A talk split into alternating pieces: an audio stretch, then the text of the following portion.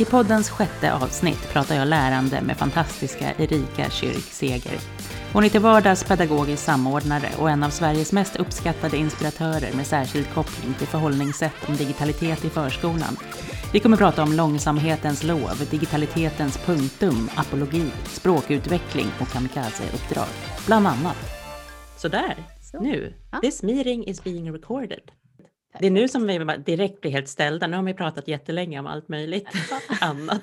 Och sen, så fort man ska sätta på inspelningen, bara, uh -oh, vad ska jag, jag brukar, säga jag brukar sätta på den innan mina gäster kommer in, för jag tycker det är så roligt att få den här, nej men hej, oh, hej, hur mår du? Och sen klipper jag de andra delarna sen efteråt. Ja, det är ett bra tips. för att få det här lite spontana, lite grann så här, de här bloopers-känslan lite grann i det hela, så det blir lite familjärt från början. Ja, men precis. Ja, det skulle vi ha gjort ja. såklart. Vi får lägga på och börja om. Det löser sig alltid. ja. Hur ser ja, ditt liv, du behöver inte berätta i detalj hela ditt liv, men hur ser ditt yrkesliv ut just nu? Vad gör du om dagarna? Ja, nu ser det ju lite annorlunda ut. Ehm, alltså när jag har då min yrkestitel så är jag ju pedagogisk samordnare i huvudsak. Där jobbar jag ju 100 procent i Gråbo förskolor i Lerums kommun utanför Göteborg. Eh, och där mitt vanliga arbetsliv är att jag håller ju kompetensutveckling och handledning och observationer och sådär. Så i vanliga fall hade jag suttit i möten eh, där jag hade samlat pedagoger från alla våra förskolor och jag hade varit ute i barngrupp och observerat och mött pedagoger i handledning. Eh, och det här året är ju speciellt, så att nu gör, jag började under hösten med att vara ute fysiskt och sen har vi faktiskt gått över till digitalt igen. Det gjorde vi ganska snabbt redan i våras. Eh, så många av mina möten kör vi via Teams. Ehm, och eh, handledningar har också fått se annorlunda ut nu, särskilt nu när corona sprids så brukar pedagogerna spela in filmer som jag får titta på under lunchen och sen möts vi upp i handledning på eftermiddagen och sådär. Så eh, det är en annan värld, det funkar, det är inte riktigt lika, eh, vad ska man säga, eh, man ser mer när man är på plats. Um, så att just nu får man, vi har liksom, jag tror vi har lagt lite hela ribban tror jag hos oss, att vi ska få det här att ticka, utveckling ska ticka, men vi kanske inte utmanar i den mån vi hade gjort om det hade varit ett vanligt år. Uh, mm. så, för att pedagogerna ska orka. Så jag gör egentligen det jag alltid har gjort, men jag gör det digitalt. Så det är ju en stor skillnad. Liksom. Mm. Vad tycker mm. du är den, så, det som liksom man saknar mest då, från att vara ute i verksamheten? Vad är det, vad är det man inte ser? Ja, dels eh, när jag är ute och handleder, så oftast när jag kommer ut så pratar jag med pedagogerna till exempel om vad vill ni ha stöd i? Eh, och så brukar jag observera eh, särskilt utifrån det de tänker, men jag ser också andra saker och många gånger så jag upplever att det oftast finns någonting annat som man behöver liksom titta på lite innan vi kan gå in och jobba med det här som pedagogerna vill jobba med. Eh, något som behöver knytas upp, någonting sådär. Det kan vara att man inte kommunicerar riktigt om det man hade tänkt eller sådär. Och det missar ju jag när jag får filmer till mig. Jag, jag har ju inte riktigt möjlighet att se helhetsperspektivet. Att, för om vi pratar om lärande så är det komplext. Det är ju inte en liten en fem minuters video, liksom, utan det är också vad hände innan, vad hände efter, vad hände under som jag inte ser och så. Så det är väl det svåra, känner jag, att jag inte jag ser inte lika mycket, vilket gör att jag kan inte utmana eller hjälpa och stötta kanske riktigt lika mycket som tidigare. så. Och det känner väl jag för min del att ja, men det saknar jag väldigt mycket. Ehm, mm. För då kan man göra lite större skillnad än vad man kanske kan göra nu digitalt, tänker jag. I alla fall i den situationen jag befinner mig i just nu, så att säga. Ehm, mm. Mm. Jag har tänkt ganska mycket på det där, om det är så, för jag känner verkligen igen den här beskrivningen. Men jag tänker också på om det, om det är så att vi, om det finns någonting man kan göra eller liksom utveckla och bli bättre på att jobba på distans digitalt som skulle kunna kompensera för det här som man saknar ja. så himla mycket. Men eh, jag, är inte, jag är inte riktigt där än. Men frågan är om man kommer att se mm. tillbaka på det om 10-20 år och har kommit längre i att få syn, alltså till exempel då att jobba med, bättre och mer effektivt på distans. Med just mm. de där mellanmänskliga tänk... relationerna som man saknar. Ja. Jag tänker att vi nog kommer nog ta med oss vad kan vi göra digitalt. Vi har ju börjat till exempel ha våra APT digitalt så att man kan eh, rent krast beroende på vad det är för innehåll faktiskt sitta hemma och jobba för våra pedagoger och i förskolan är ju det ganska det händer väldigt sällan att man får jobba hemifrån när man jobbar i barngrupp. Men Mm. det har varit väldigt uppskattat av pedagogen att man kan åka hem, kanske äta kvällsmat om man har den här timman mellan APT och jobbet. Liksom, att man kan åka hem och sitta hemma i lugn och ro. Liksom så. Men sen har jag också märkt att, ja, men dels tänker jag att när vi hade digitala möten i våras så var många väldigt osäkra. Men jag kan se att man har blivit mer van vid de här digitala mötena. Eh, och jag kan se att eh, Eh, man brukar ju säga att en bra grupp är ju runt 7-8 personer tror jag det är. Eller om det är 6-8 personer ska det ju vara. Och jag har haft möten med både 6-8 personer och upp till 10. Och jag kan se att det verkligen stämmer. Har man 6-8 personer så får alla mer talutrymme. Och jag kan också se när jag sitter i de här vi har ju litteraturseminarier där vi läser en bok till exempel och diskuterar och sådär. Och då kan jag se att när vi sitter digitalt så kan jag ändå se allas ansikten. Så jag har också mycket lättare att plocka in folk in i samtalet. De här som är lite tysta eller de som pratar mycket. Att man kan liksom fördela ordet på ett annat sätt än när vi till exempel sitter runt ett bord. För då ser jag ju inte alla. Ehm, och det tycker jag ändå har blivit en vinst. Så jag tänker att vi kommer nog titta på vilka möten ska vi ha digitalt? Vilka möten behöver vi ha fysiskt? Och, eh, våra vad heter det, pedagoger har ju också börjat ha utvecklingssamtal digitalt med vårdnadshavare. Och det har ju gjort att båda vårdnadshavarna kan vara med till exempel. Att man kan förlägga det på en tid som funkar bättre för dem och sådär. Så jag tänker att det är inte bara negativt med corona. Det har också gett oss nya sätt att se på hur vi kan använda det digitala i i vårt arbete. Och, så. och de har ju också spridits hos oss eh, eh, mellan förskolorna, har börjat facetima mycket mera och lite sådär. Alltså det har också skett, det har blivit ett större nätverk även för barnen tänker jag. Eller nu när de börjar förskoleklass så har man filmat inne i förskoleklassen. Eh, och sådär. Så att det, det är inte bara hinder, det är också nya möjligheter och, eh, och kanske inte, jag vill inte säga effektiviseringar, men det har gjort att vår arbetsvardag kanske blir lite lättare. Än att boka alla möten och alla ska kunna och man ska forsla sig fram och tillbaka och man ska gå i barngrupp och sådär. Det, ja, det finns goda saker också, tänker jag. Mm. Ja, och särskilt det här med att man, vi har blivit bättre på de här digitala mötena, för jag har tänkt mycket på att det är att man låter folk också tala till punkt på ett annat sätt när man har ett sånt här mm. möte. Man liksom lyssnar och verkligen säkerställer att eh, ja, men har du pratat färdigt? Okej, okay, ja men då, då tar jag vid. Så, inte som du och jag gjorde här nu inledningsvis, att vi pratar, pratar i mun på varandra. Nu har vi skärpt oss lite. Ja, lite. Eh, ja. Men jag känner igen det här med utvecklingssamtalen har ju jag haft med mina barn. På, mm. eh, de går ju på förskola, så vi hade ju också ja. utvecklingssamtal digitalt. Det mm. funkar, mm. funkar bra, tycker jag. Ja. Och Sen tycker precis som du säger, att man, då kan ju båda vara med. Man hittar en tid eftersom att nu jobbar ju både jag och min man hemifrån. Så att... ja. Sen tycker jag också att det här med att i början i våras så var det lite så här, alla sätter på mute. alla skulle stänga av sina mickar. Eh, och det är ju viktigt när man har många på plats. Men jag har märkt när vi har våra litteraturseminarier så har jag sagt att stäng inte av mickarna. Mm. För då blir det också en större känsla av att vi sitter i ett samtal. Eh, eller det här med som, jag, tror, jag lyssnade på Elaine Eksvärd, hon hade någon föreläsning om digital, mm. hur man håller digitala föreläsningar. Sådär. Mm. Eh, och det är så sant det hon säger, det här med att vi kan inte ha, folk är ganska ovana vid att titta på sig själva, så de vill inte ha på kameran. Eh, men kameran måste vara på om vi ska få ett samtal. Liksom. Alltså mm. det, så att vi är också sådär att ha på kameran, ha på micken. Mm. Ja men särskilt ha på micken. Just för att då, mm.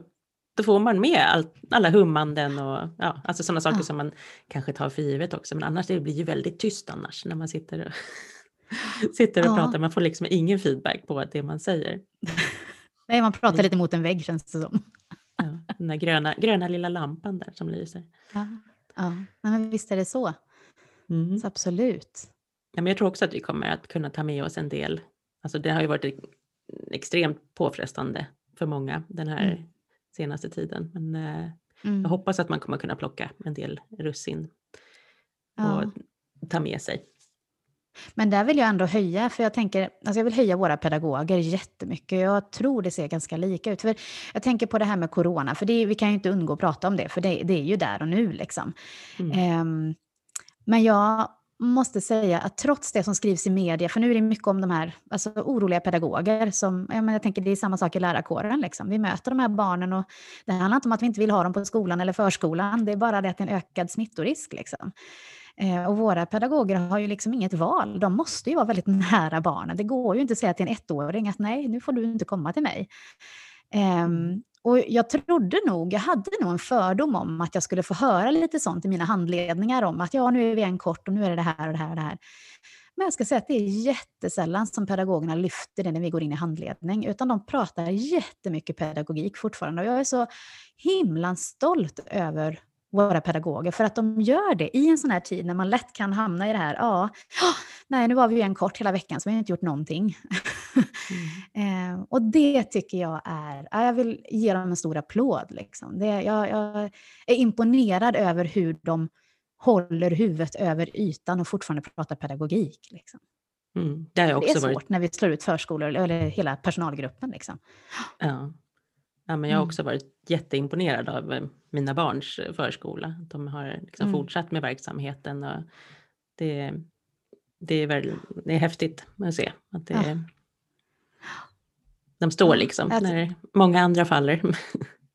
ja, och den här kreativiteten. Jag, jag poddar ju själv, eh, har en podd som heter Förskolefundror och där pratade jag med Emma Lewis bland annat här nu senast. Just det här med den här kreativiteten som blommar någonstans. Så att det här ska inte ta knäcken på oss, vi ska visa att vi kan göra vi kan mm. göra andra saker. Så, som nu men bara som en sån sak, ja, men jag, jag, tror att vi tänker på samma sak nu, det här med, ja. alltså man tänker på det här projiceringen på fönster ja, som, sprids, som sprids som en löpeld på Instagram, eftersom ja. att de, de är mycket ute. Och så börjar de liksom fundera på, ah, men hur ska vi, hur ska vi liksom göra det till något kreativt? Och så mm. målar de eller sätta mm. upp eh, smörpapper på fönstren såg jag några som hade gjort också. Ah, okay, inte bara okay. måla ja, med fil, filmjölk. inte bara filmjölk. och sen de som lyssnar på den här podden undrar, vad pratar ni om nu? Det är jättekonstigt. Man projicerar alltså en, eh, eller ja, du kan ju förklara. Ja, eller man projicerar, man, man projicerar inifrån, eh, eftersom föräldrar och vårdnadshavare inte får följa med in på förskolan mm. längre, så målar man ett fönster med filmjölk eller då smörpapper, hade jag inte hört. Eh, och sen projicerar man inifrån bilder, filmer, alltså olika saker. Så att det, kan bli, det blir liksom en interaktiv miljö nästan på något sätt. På Fast då utifrån, precis. Mm. Ja, utifrån. Och det tänker jag också att jag, jag några av våra förskolor har börjat göra det också. Um, och jag tycker att, och det ska jag säga att det är också förskolans liksom stora grej, det är doers. Det är både vår mm. nackdel och vår fördel, det är att vi är doers. Liksom. Eh, så det här är ju överallt. Det var, jag tror det var för, eh, när jag började föreläsa där, eller om det var runt 2014, ja 2014 var det nog, så var det någon som hade projicerat snö från YouTube på vita tyger inne i ett rum. Och det, då var det hitten det året. Mm. Liksom. Alla började projicera på, snö på vita tyger inne i förskolorna. Mm. Eh, så det är ändå, det sprids snabbt. Och det är, jag tänker tacka sociala medier. Jag tänker också i den här coronadelen, det här att ha kontakt med nära och kära och vänner och allt sånt där. Sociala medier är ju faktiskt en del av att vi inte blir helt deprimerade och undrar vad alla håller på med nu för tiden. Mm. Tänker jag också. Så att det här med att sprida goda saker till varandra också. Mm. Ja, men filmjölk på fönster kan ju alla ja. testa. Jag tror det skulle vara bra i skolan också, tänker jag. Ja, Ute på absolut. gården och så också. Ja, det tänker jag ofta på, saker som görs i förskolan. Att, eh, det, att man kan ta upp det till både till grundskola och gymnasiet. Mm. Eh, det finns mycket, mycket att lära av varandra. Ja, verkligen. Ja. Men du, på tal om lärande då. Eh, mm. vad tänker du att du vet, vad vet du idag om lärande som du inte visste när du när du började som lärare? Um, jag tror att jag, jag kan slås av, det är väl det här standard, standardcitatet liksom, ju mer jag lär desto mer vet jag att jag inte vet. Mm. um, och inom förskolan, jag vet inte hur det ser ut i skolans värld, för där är jag inte så insatt, eh, som jag inte jobbat så mycket där, men i alla fall i de kretsar där jag kommer ifrån så har jag slåtts av den här komplexiteten där vi håller på att försöka förstå vår teoretiska grund. Ehm, alltså det här med vetenskaplig grund, vilken vetenskaplig grund? Vad har vi gemensamt och vad delar vi oss? Och för min del, jag har ändå läst ganska mycket men jag tycker fortfarande att det är ett jäkla trassel med att försöka förstå vad som är vad och, och sådär. Men det, den komplexiteten på något sätt ehm, Ja, men det har jag nog slagits av att i mitt eget lärande, att jag vill verkligen förstå det här, men det är så svårt och det är så mycket man måste ha koll på. Och då tänker jag att jag har ändå i uppdrag att liksom någonstans jobba med det här. Eh, och då tänker jag på pedagogerna ute på golvet, särskilt förskollärarna då, som har också ett extra skärpt uppdrag att veta de här sakerna. Eh, jag kan förstå att det är svårt, liksom. men komplexiteten i lärande. För det är ju, lärande är ju ett jättestort begrepp. Vem, mm. alltså om vi pratar om lärande tänker jag att både du och jag tänker nog på olika saker, hur man lär i det. Sådär. Um, ja, och hur lär man bäst? Och finns det det? Eller är det olika? Eller är det, ja. Nej, komplexiteten i lärandet. Mm. Eh, det slås jag av jättemycket, ofta. Um, och särskilt också när man sitter i handledning, när man tycker att åh, yes, liksom, nu, åh, titta. Eller när man själv får, oj, vad, det där var något nytt. och sådär. Att man, Jag tänker det här att man, när man börjar jobba i skolverksamhet överhuvudtaget, liksom i utbildning, så skriver man ju på ett kontrakt om livslångt lärande. Mm. Um, och det är verkligen det, om man tillåter sig att ha det. Mm. Um, så ja, komplexiteten i lärandet, det tror jag jag har förstått mer och mer. Och ju äldre jag blir så måste jag också någonstans acceptera att jag kommer inte fatta alla de här grejerna. Mm. Men jag kan göra mitt bästa. ja. Jag tycker att det kan vara också en ganska så skön insikt i att så förstå. Att, för förr kunde jag vara så stressad över att jag tänkte att mm. alla andra hade fattat men inte ja. jag. Men ju mer, ja, men ju mer jag pratar med folk och ju mer eh, man får diskutera lärande och så, så förstår jag att ah, okay, det, just den här, det är komplext. Och det finns ingen som sitter inne med, med eh, något facit. Liksom. Det... Jag har förstått, det kanske kommer efter man har passerat 40, det gjorde jag ju förra veckan, så jag tänker att det kanske kommer acceptansen. Jaha, grattis! det gjorde jag i somras. Ja, man blir väldigt ja. mycket visare. Ja. ja, absolut, det räcker där. Dagen innan så märker man bara, klockan vid tolvslaget så bara det slår in, och plötsligt är man klok som en bok. Ja. Nej, men jag tror också det att när man befinner sig, jag tänker också det här att jag också haft förmånen i att befinna, jag tänker på det här med lärandet, jag har också haft förmånen att befinna mig i kretsar med människor som pratar mycket lärande. Att jag har lyckats fånga upp sådana personer och delvis också för att jag föreläser så har jag fått träffa, jag menar, vi har ju träffats tidigare och sådär, att man, man fångar personer som brinner för det här med lärandet. Och jag tror att komplexiteten kommer ju av att det här är alla som brinner för det här och alla försöker förstå någonting. Um, och det tänker jag är en stor förmån. Jag tror att den komplexiteten kommer ju av att man har mött de här människorna. Det har ju präglat mitt sätt att tänka kring lärande. Jag tror inte det hade varit på samma sätt om jag hade varit på samma förskola och jobbat som förskollärare i tio år. Ehm, mm. För någonstans så begränsas man ju i det. Inte att man inte har kompetensen eller, eller möjlighet, det beror helt på. Men, men kollegor som man har haft, eh, personer man har mött, allt det där påverkar ju en på något sätt. Mm, så därför absolut. är det bra att bryta upp och stöta med andra personer och sådär. Byta arbetslag, inte sitta i samma arbetslag och känna sig mm. trygg i det där, för då lär man sig faktiskt inte. Mm. Man lär sig. Och få prata med folk som inte håller med en också, där man inte ja. når samsyn och ja. har konsensus i allting som sägs, utan ja. att det, det, kommer in någon och rör om. Att man får tänka, tänka på ett annat sätt. Absolut. Och sen ungefär tio år senare så inser man, undrar vad hon tänkte då när vi tyckte så olika? För nu börjar jag fatta vad hon tänkte tror jag. Mm. ja, men jag har mött personer som är bara, nej men vi tycker verkligen olika. Jag vet särskilt också i början av min karriär så var jag så himlans just det här när man försöker själv förstå någonting, så försöker man nästan övertala sig själv om vad som är sanningen om lärandet. Och då när man möter någon som inte håller med så kan man nästan bli provocerad av det. Och nästan så där hamna i försvar, ja men de förstår ju inte hur vi tänker. Um, och jag tror att jag har blivit mer ödmjuk med åren i det. Att okej, okay, vad spännande. Jag tror mm. också, jag vet inte om det är Gunilla Dahlberg som har sagt det här, det finns något klokt i motstånd också. Mm. Um, och om man, om man refererar till, jag, jag älskar ju, jag har ju läst den här boken Professionsutveckling och kollegialt lärande av Katz och Eindak som pratar ut lärande ur ett psykologiskt perspektiv.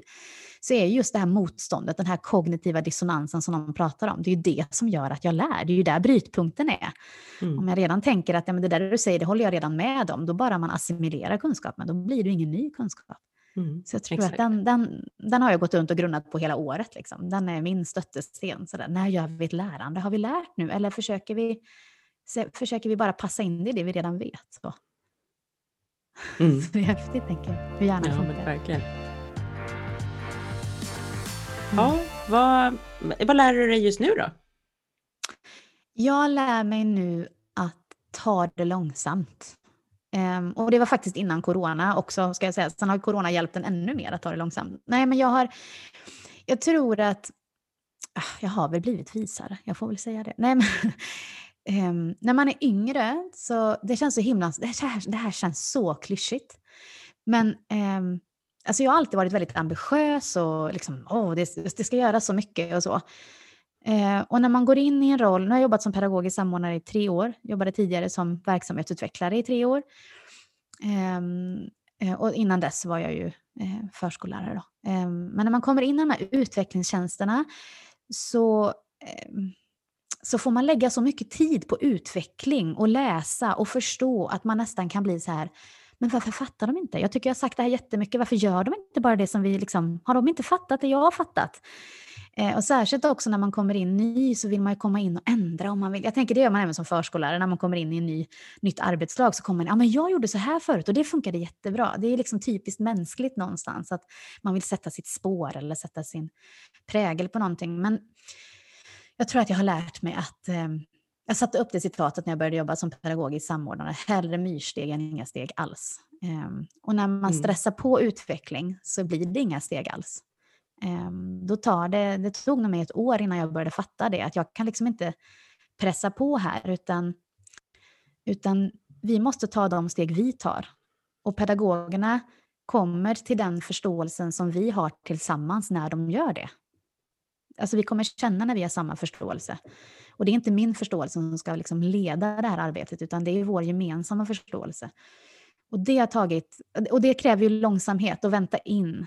Eh, att inte ja, bränna på liksom.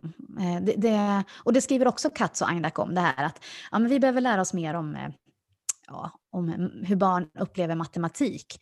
Och så trycker vi in föreläsning på föreläsning och bok på bok på bok. Men i verkligheten så gör det ingen skillnad. Eh, även om pedagogerna upplever att de har fått lite mera kunskap eller sådär. Eller om jag läser en bok och tycker jag har fått lite mer kunskap. Men hur gör det skillnad i min praktik? Eh, och just det här glappet mellan att läsa någonting och göra en förändring i praktik, det är något man måste träna på och det kommer inte med en gång. Och där, att vänta in den, att vänta in praktiken, kan vara jävligt frustrerande. Men måste man bara göra, det går inte liksom. Mm. Så det tror jag har varit eh, har jobbat mycket med min acceptans för det. Eftersom jag är ganska drivande och kör på ganska snabbt så, så behöver jag tänka mig för. Och det har blivit så mycket bättre, eh, kan säkert bli ännu bättre, men sen jag började tänka så när jag möter pedagogerna. Det blir en annan dialog, en annan relation till varandra. Det blir mera verkningsfullt för dem än om de sitter och eh, tänker, undrar vad Erika vill att vi ska göra. Egentligen. Mm. Så det, ja, acceptans i att det får ta tid. Slow mm. flow pratar vi jättemycket om just nu i förskolan, att slow flow, slow flow.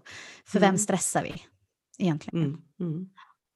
Vad bra. Och det bra tänker jag, Ja, och det, men det tänker jag också. Jag tror det är, det är, också, jag tror det är, det är många nu som pratar om långsamhetens lov, tror jag det är många som också pratar om det här med. Jag tänker också att det har att göra med att vi är doers i förskolan, så vi vill gärna stressa på saker också. Eh, men sen har ju vi en förmån i förskolan som som man kanske inte har i skolan på samma sätt. Och det är att vi har inga uppnådda mål i förskolan. Vi, har, vi ska ju erbjuda barnen förutsättningar att lära. Och det är mm. inget litet att erbjuda de förutsättningarna, men jag vet när jag jobbade i skolan så kunde jag bli stressad av att man kunde inte utgå från barnen alltid, utan man behövde, jag vet att det håller på att ändras och luckras upp också, men det var ändå det här, eh, ja, de här treorna ska ju klara av det här nu hur ger de förutsättningar för det? Och här får de faktiskt, liksom, här ska ju de bedömas i det. Liksom. Mm. Mm. Mm. Så absolut, långsamhetens lov. Mm. Du, kan, du, kan du berätta lite grann om hur det kom sig att den här boken, Digitalt meningsskapande, hur kom den till? Ja, eh, jag var ju med i en annan bok tidigare, 2014, den här Mediepedagogik på barnens villkor. Eh, och sen så, eh, och den kom ut 2014 som sagt och då kom det ut, det var ju liksom lite då som, om vi nu ska prata digitala verktyg, så var ju då iPaden slog igenom någonstans i förskolans värld. Så därefter där 2014-2015 så släpptes det ganska mycket böcker. Ehm, eh, och när då, vad blir det, 2018 blir det väl då, 2018, 2019 där, Jo, när, när eh, man skrev in digitalitet i läroplanen så började det komma massa böcker igen om digitalitet. Och jag tyckte väldigt mycket att det var liknande böcker som kom ut 2014. Eh, väldigt mycket så här, ta den här appen, gör så här så jobbar du med dokumentation, gör så här, gör så här, gör så. Och tips och tricks är jättebra, men det är återigen det här mellan att ta in någonting och faktiskt sen koppla det till vad barnen håller på med. Det är ju som en filmjölken lite grann. Nu är den en, en rolig grej, tänker jag lite mer sådär. Men man kan också koppla det till undervisning. Vad skulle vi behöva projicera? Vad vill vi visa föräldrarna? Vad vill vi få barnen att uppleva här? Inte bara att det simmar en fisk på en ruta och det ser lite roligt ut, utan kan vi projicera bilder? Kan vi projicera dokumentation? Kan vi göra något annat? Och jag tyckte att det fanns ett, i de böckerna som fanns, tyckte jag att det fanns ett glapp mellan tips och tricks och vad barnen faktiskt håller på med. När blir det undervisning? Och att lite grann som jag kan uppleva, för att raljera lite grann, att nu har vi jobbat med green screen, det är lika med att vi har jobbat med källkritik. Och det stämmer ju inte riktigt, för där handlar det om att vi behöver ju prata om källkritik då med barnen. Det är ju inte mm. något som de bara lär sig för att de har förstorat och förminskat sig själva. Liksom. Mm. Och där tycker jag att det, just att vi är en doers-praktik i förskolan, så tycker jag ibland att det finns ett glapp mellan undervisning och, eh, och eh, av de här tipsen och tricksen. Och att vi ibland liksom tar antaganden för att ja, nu har vi fått in digitalitet i förskolan, så då, då jobbar vi med Bibots. Då kan vi checka av att vi jobbar med programmering och så kan vi checka av att vi har jobbat med det här. Fast det är ju mycket större än att bara säga att vi har jobbat med programmering. Och vi kan heller inte bara säga vad andra, alla andra säger, att ja, men det är logiskt tänkande, det är det här och det här och det här. Utan vi behöver ju koppla det, dels veta vad vi håller på med, men som jag skriver också i boken där i första kapitlet, digitalitetens punktum, är att det handlar inte om att plocka in så mycket digitala verktyg som möjligt, för det betyder inte att man jobbar mer med digitalitet. Man kanske jobbar med teknisk kunnighet snarare än digitalitet. Eh, och att vi behöver fundera på istället veta vilka verktyg finns och när är de aktuella att ta in. Under en period kanske vi jobbar väldigt lite med digitala verktyg, förutom film och foto då, som vi arbetar med, med dokumentation. Och en annan period jobbar vi jättemycket med det. Så dels vill jag få in det perspektivet att de digitala verktygen behöver fylla en funktion kopplat till det barnen håller på att försöka förstå. Att vi inte plockar in det digitala bara för att, utan det ska hänga ihop med det barn håller på med. Och sen vill jag få ett ganska brett perspektiv. Många av de böckerna som har skrivits är ju dels Eh, vi har ju Susanne Kjellander som är en av, en av våra stora forskare som också skrivit en bok om just digitalisering i förskolan och samlat forskare och så. Men eh, jag kan se också en trend i, och där säger jag emot mig själv nu, jag lägger mig själv i den här trenden, att det är, många, det är mycket populistisk litteratur som inte är så forskningsförankrad utan mer baserad på praktik. Eh, och den är ju jättespännande och väldigt lättläst. Men vetenskaplig grund och beprövad erfarenhet, vi behöver också koppla an forskningen till det. Så jag ville liksom ha en bok som spann också över både digitalitetsbegreppet och ända ner från barngrupp ända upp till organisation. Så den är liksom, det finns kapitel för alla delar av verksamheten. Så vi har ju dels eh, just hur man kan jobba i en ateljé med digitala och analoga verktyg, till hur jobbar vi med ettåringarna, till hur jobbar vi med dokumentation, hur jobbar vi med eh, Eh, med organisation, hur sätter vi det här i hela organisationen, de mål vi har med digitalitet till exempel. Det kan ju inte bara vara något som lever i, i praktiken med barnen och förskollärarna och pedagogerna. Det måste ju också finnas i ledningen och i deras ledning och sådär. Eh, och där tycker jag det finns mycket brister. Eh, jag kan se det själv i vår egen organisation, att där finns det ju, det är ju så decentraliserat, så det bygger ju liksom väldigt mycket på vad vi själva gör någonstans. Och då tyckte jag att det saknades, det perspektivet. Och jag ville också ha en bok som kunde leva länge. Mm. Eh, och så fort man börjar skriva in sitt hörn och eh, ja, men de här apparna gör så här, om, om, tre år kanske de apparna inte ens finns kvar. Mm. Eh, jag menar inte att de böckerna är dåliga, för vi behöver dem också. Vi behöver, alla de här tips och tricks behöver vi, men jag tyckte det här mellanrummet mellan tips och tricks och undervisning, medveten undervisning, tyckte jag, eller planerad undervisning ska vi säga, tyckte jag försvann. Och mm. särskilt mm. barnens rätt till meningsskapande. För vem mm. gör vi det? Mm. Så då samlade jag lite folk som jag tycker haft kloka tankar och sådär. Eh, och skrev ihop den.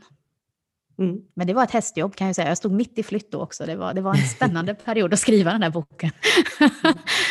Men det var väl värt, för den är ju, precis som du säger, väl värd mm. att läsa för alla som, eh, och inte bara, inte bara de som jobbar med eh, med, med barn utan även för, för mm. de som jobbar med äldre, ja.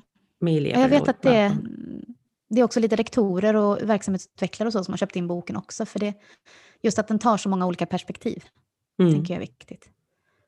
Men jag tycker att också att den ringar in det som jag brukar försöka att eh, försöka att eh, när, när man pratar om liksom, lärarens digitala kompetens, att det verkligen mm. ringar in mm. att man måste också kunna avgöra, alltså, jag brukar säga att det liksom, kärnan i lärarens digitala kompetens handlar om att kunna göra en bedömning av om mm. och när, alltså, ja, och, och, verkligen också om man ska jobba ja. digitalt eller inte. För att det är ganska, ja. vid ganska många tillfällen när man inte ska göra det, Nej. men gör någonting annat. Ja, och sen tror jag också det här, man har ju pratat ganska mycket om att det digitala är så enkelt så det nästan kan förföra en i sin enkelhet. Mm. Och där finns det ju till exempel som jag kan se, som jag lyfter jätteofta på mina föreläsningar också, det är det här när vi har de här apparna som de här som finns, jag ska inte säga några namn, men det finns ju massa appar där man kan ha böcker inlästa till exempel på olika språk och det hjälper ju till jättemycket. Men jag kan också se att det blir också en verksamhet där barn sitter själva och läser. Och om vi ska jobba med mm. språkutveckling och läsförståelse och sådär så så behöver vi finnas där. Ja, så det är liksom inte så här, men jag kan säga att ibland så blir det, jag vet inte varför, men ibland blir det så här, nu fick vi in det här så då tar vi bort det här andra. Det är ju inte tanken. Vi kan ju ha både digitalt memory och vanligt memory till exempel. Mm. Det handlar ju bara om att göra samma sak på olika sätt. Eh, och, och, det är ju, jag tror att även pratar om de här olika förändringar av andra ordningen och tredje ordningen och sådär, att det är det här med att, för det egentligen är ju bara att vi har lagt över någonting i ett digitalt format egentligen. Det har ju ingenting med utvecklandet av en digital kompetens egentligen. Mm. Det är ju mer förståelse av vad som finns. Ja. Eh, men hur just de här, ja men det här när barnen kan fylla fylla saker med eget innehåll och använda det till eget innehåll. Och där, jag tycker ibland, ibland brukar jag säga på mina föreläsningar att bara jobba med, med dokumentation, till exempel med de yngsta, att filma och fota och liksom jobba med det.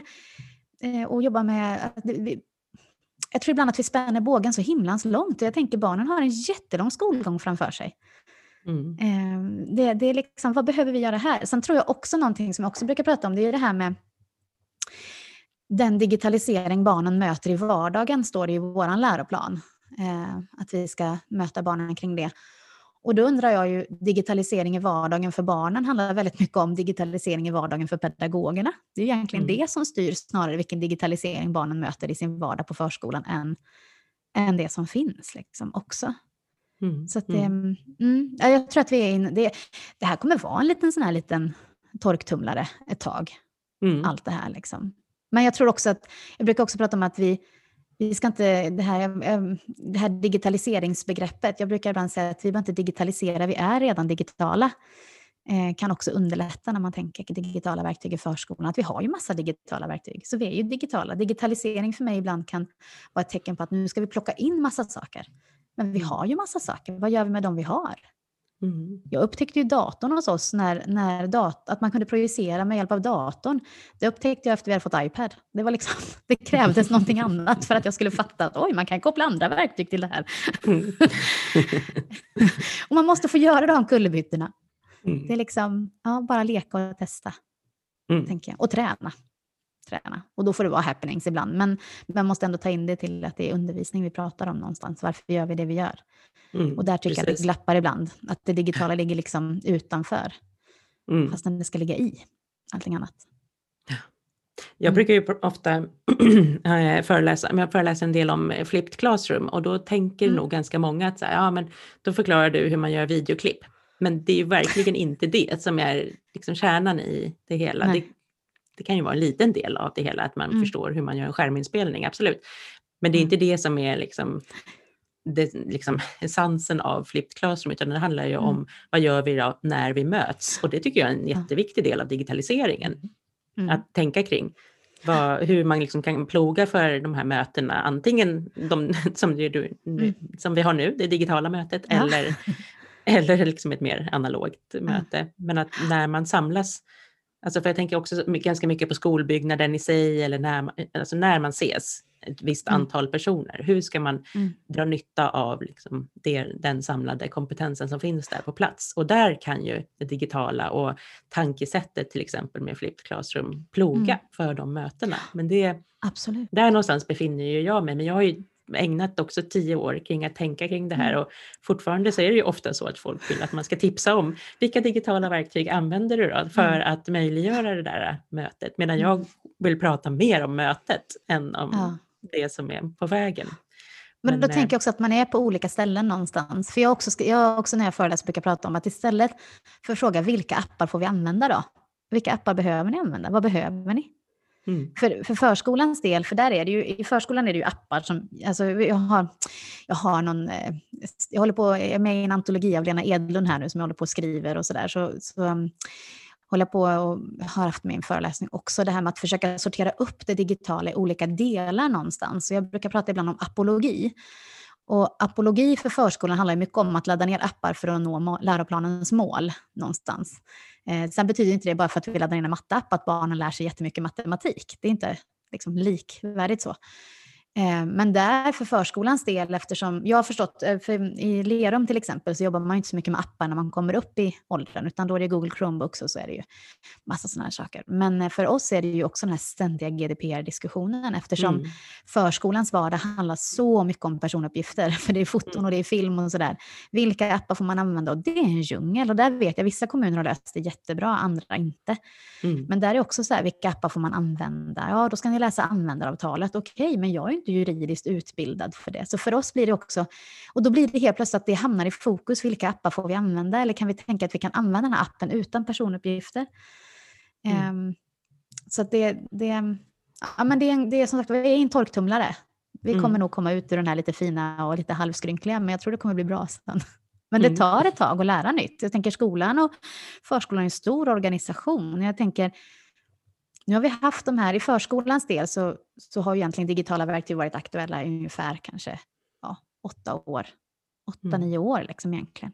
Det är inte jättelänge för att lära sig ny kunskap, rent krasst. Jag tänker på Blossing pratar om att det tar upp till sju år innan man, en förändring görs. Liksom. Eh, Mm. Om man nu kan sätta år på förändring. Liksom. Mm. Så. Mm. Man måste ge det tid. Långsamhetens Ja. lov, Exakt. även där. Ja.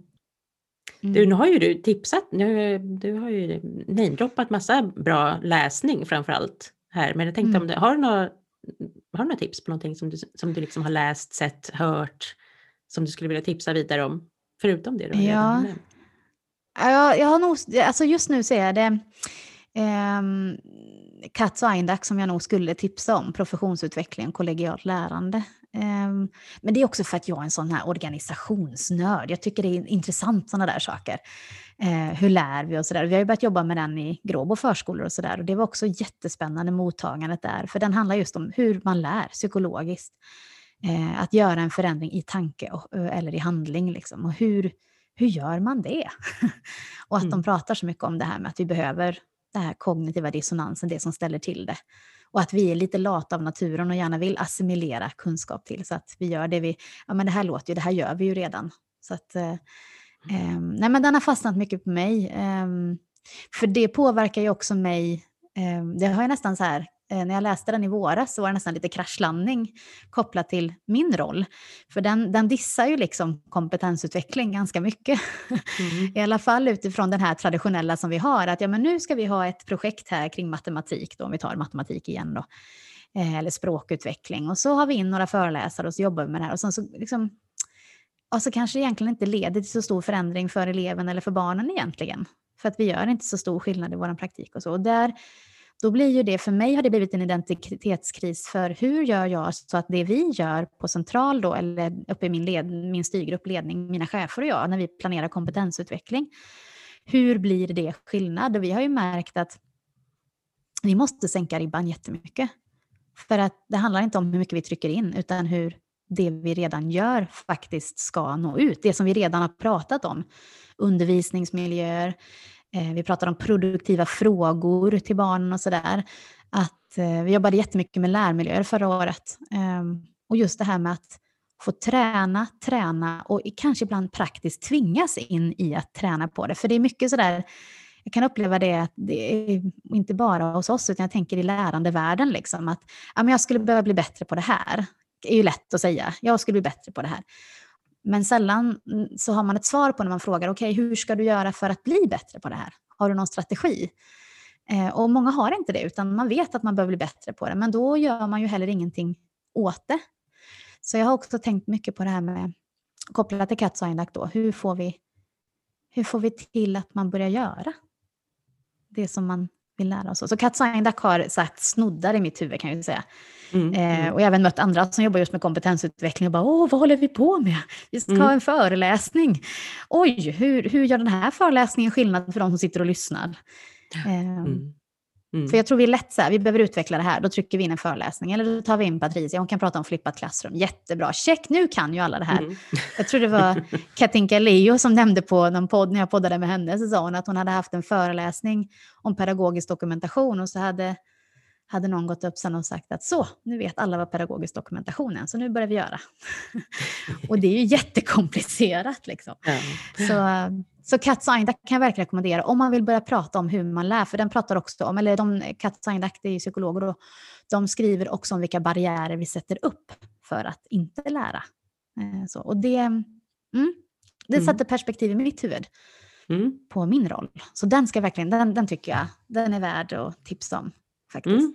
För det är också hur man möter våra elever, tänker jag. Den handlar om lärarna först och främst, men den handlar ju väldigt mycket om skolan och just det här med att om vi ser att eh, barnen behöver förbättra sina betyg i matte då. Hur gör vi det? Vad är det egentligen för behov de har? Det räcker inte, vi måste ju veta vad de behöver förbättra. Mm. Inte bara att vi kastar in någon matematikföreläsning, utan och hur gör vi skillnad i det? Så den, nej, Cat Signac, jag är lyrisk över den. Jag håller på att läsa fortsättningen där nu. Så, ja. Mm. Vilket bra tips.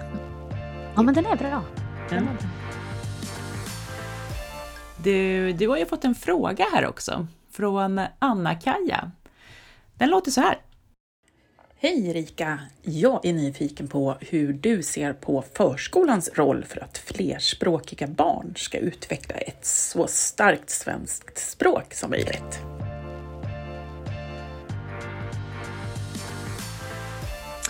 Alltså, den är ju jättestor och komplex. Och sen har jag faktiskt inte jobbat så jättemycket i flerspråkiga områden. Eh, tyvärr, det är faktiskt någonting som jag skulle behöva göra för att lära mig mer om så. Sen har ju vi, där jag jobbar, det är ju ett ganska stort blandområde. Vi har mycket flerspråkiga barn och så. Men vi, i förskolans värld pratar vi mycket om det eh, vidgade språkbegreppet. Ehm, det här med att eh, man kan måla sina tankar, man kan dansa sina tankar, man kan dramatisera sina tankar. Att det finns olika sätt att kunna uttrycka sig. Jag tänker att om man har den tilliten till sig att jag kan rita vad jag försöker förklara, så tänker jag att vi också kan stötta barnen i att sätta ord på det, till exempel. Och det kan man göra både vi som vuxna pedagoger men också barnen. Men jag tänker att det är just att ge dem många möjligheter till ett rikt språkbruk på många olika sätt. Då inte bara det verbala utan här handlar det om att först och främst få möjligheter att uttrycka sig, för bara det kan ju bli en frustration. Jag menar om vi nu ska gå hela vägen ner eh, till de allra yngsta så ser man det på de här typiska bitarbarnen. Att många gånger är ett bitande ett, ett, exempel på att man inte får utlopp för det man försöker förklara eller försöker förstå eller som man vill säga till sin kompis och då bits man eller puttas. Ehm, och här handlar det om, jag tänker att ehm, ehm, de här flerspråkiga barnen som inte kanske till exempel har det svenska, mod, eller det svenska språket behöver ju då få andra sätt att kunna uttrycka vad de tycker och tänker. Och sen tror jag att vi har, just tänker på det när vi pratar om de här språkapparna. Om vi har en barngrupp där det är eh, en stor flerspråkighet, det, just det här det finns en liten trend i vissa delar av förskolan där man har bytt ut den här traditionella samlingen ganska mycket till reflektionsmöten. Eh, och jag vurmar ganska mycket för att man behöver ha både och. Eh, reflektionsmöte är ju ett spontant möte där vi sitter och pratar om vad gjorde vi igår, vad tänker ni om det här? Där finns det liksom inga färdiga svar, utan där får ju barnen tänka mycket själva. Och det är såklart att om du inte har ett språk så blir en sån reflektionssamling ganska svår att hänga med i, till exempel. Så där behöver man ju kunna reflektera på många olika sätt genom att, kan du rita vad vi gjorde igår och sådär. Men jag tror också den här att vi får inte glömma av för förskolan är liksom i en förändringsvärld någonstans. Eller det är ju alla former egentligen av skolor och förskolor och så. Men den här traditionella samlingen med rim och ramsor. Och när man plockar fram den där elefanten, ja men då sjunger vi den här sången. Att veta vad som förväntas av mig, att vi inte glömmer av de här situationerna när det finns ramar, när det finns faktiskt ett svar som jag som barn också vet att det är det här de är ute efter. Vad var det där djuret hette nu? Ja, elefant var det ja att man känner att man lyckas. Så jag tror att de här, särskilt att jobba mycket med språk, att har vi en barngrupp där vi märker att språket är svagt, det verbala språket, om man nu får svagt, om man ska använda det som uttryck egentligen, men ja, men då behöver vi jobba och baka in det, precis som med digitalitet. Ja, men då, hur kan vi jobba med språk i den här aktiviteten? Hur sätter vi ord eh, på det vi håller på med? Jag kan ju se, vi har ju en grupp nu som en barngrupp som jobbar jättemycket med rötter till exempel. Eh, de har blivit jättefascinerade rötter på ett träd ute på gården. Och så har de gått till skogen och så har de sett en rotvälta. Och då blev pedagogerna lite så här, men får vi säga rotvälta? Eller ska vi liksom... För barnen hade ju massa andra uttryck. Det här är en bläckfisk, det här är en enhörning. Um, och det barnen gör också att de jämför det med siffror och bokstäver och sådär. Och det barnen egentligen gör då är att de försöker hitta begrepp för någonting. De försöker hitta ett begrepp för vad den där rotvältan heter och då kan det ibland vara värt att säga, vet ni vad, det här kallas för rotvälta. Så vet mm. vi att vi pratar om samma sak. mm. Mm. Eh, för annars kan det bli massa missförstånd. Så vi behöver också jobba med begrepp och hitta gemensamt, ett gemensamt språk. Mm. Så jag tänker Men det är att, jätte, ehm, jätteviktigt. Mm. Men jag tror man mm. tappat det lite grann i förskolan. När vi jobbar så mycket nu med undervisning. Den här undervisningstanken har ju också påverkat vår verksamhet. För vi håller på att försöka förstå vad undervisning i förskolan är just nu. Vi har ju undervisat, men kanske inte på det sätt som vi själva har satt begreppet undervisning i relation till. Um, och då gör ju det att språkligt sett så, um, så kan det också göra att vi ibland um, ja, men just de här, jag kan se ett, ett övertag av reflektionssamlingar där man missar den här goda stunden när vi ser varandra och sjunger tillsammans och umgås också som en väldigt viktig del. Eh, den tycker mm. jag man har tappat ibland i vissa verksamheter. Jag säger inte att det är så överallt. Men, eh, men när man jobbar i ett förändringsarbete så försöker man förändra något och då brukar man oftast tappa någonting annat. Så man behöver liksom hålla igång det kanske blev jättelurvigt nu hela det här, men, eh, men att hålla igång att när vi gör förändringar att vi inte tappar de här viktiga delarna också. För det finns en tanke med samlingen. Den är jättegammal men det finns ett värde i den och det finns ett värde i sång och rim och ramsor och sådär. Så har man barn med flerspråkighet så behöver man jobba medvetet än mer med språket. Mm. Det ehm, är jätteviktigt. För det finns ju barngrupper där det nästan inte finns någon som pratar svenska. Ehm, och då tänker jag att då är det där man lägger arbetet. Mm. Någonstans. Utifrån barnens behov också. Det var ett jättelångt svar. Men det var en komplex ja. fråga, jag får skylla på ja, det. det var, precis. Ja. Vi, skyller ja. på, vi skyller på att Anna ställer komplexa frågor. Nej, Jajamensan. Bra fråga och bra svar. Det hade kunnat nästan varit ett mm. helt eget eh, avsnitt. Det där går ju att ja, Absolut. Om Men då, då finns det nog andra som du ska prata med som är lite mer in, inlästa på just den delen tror jag. Mm.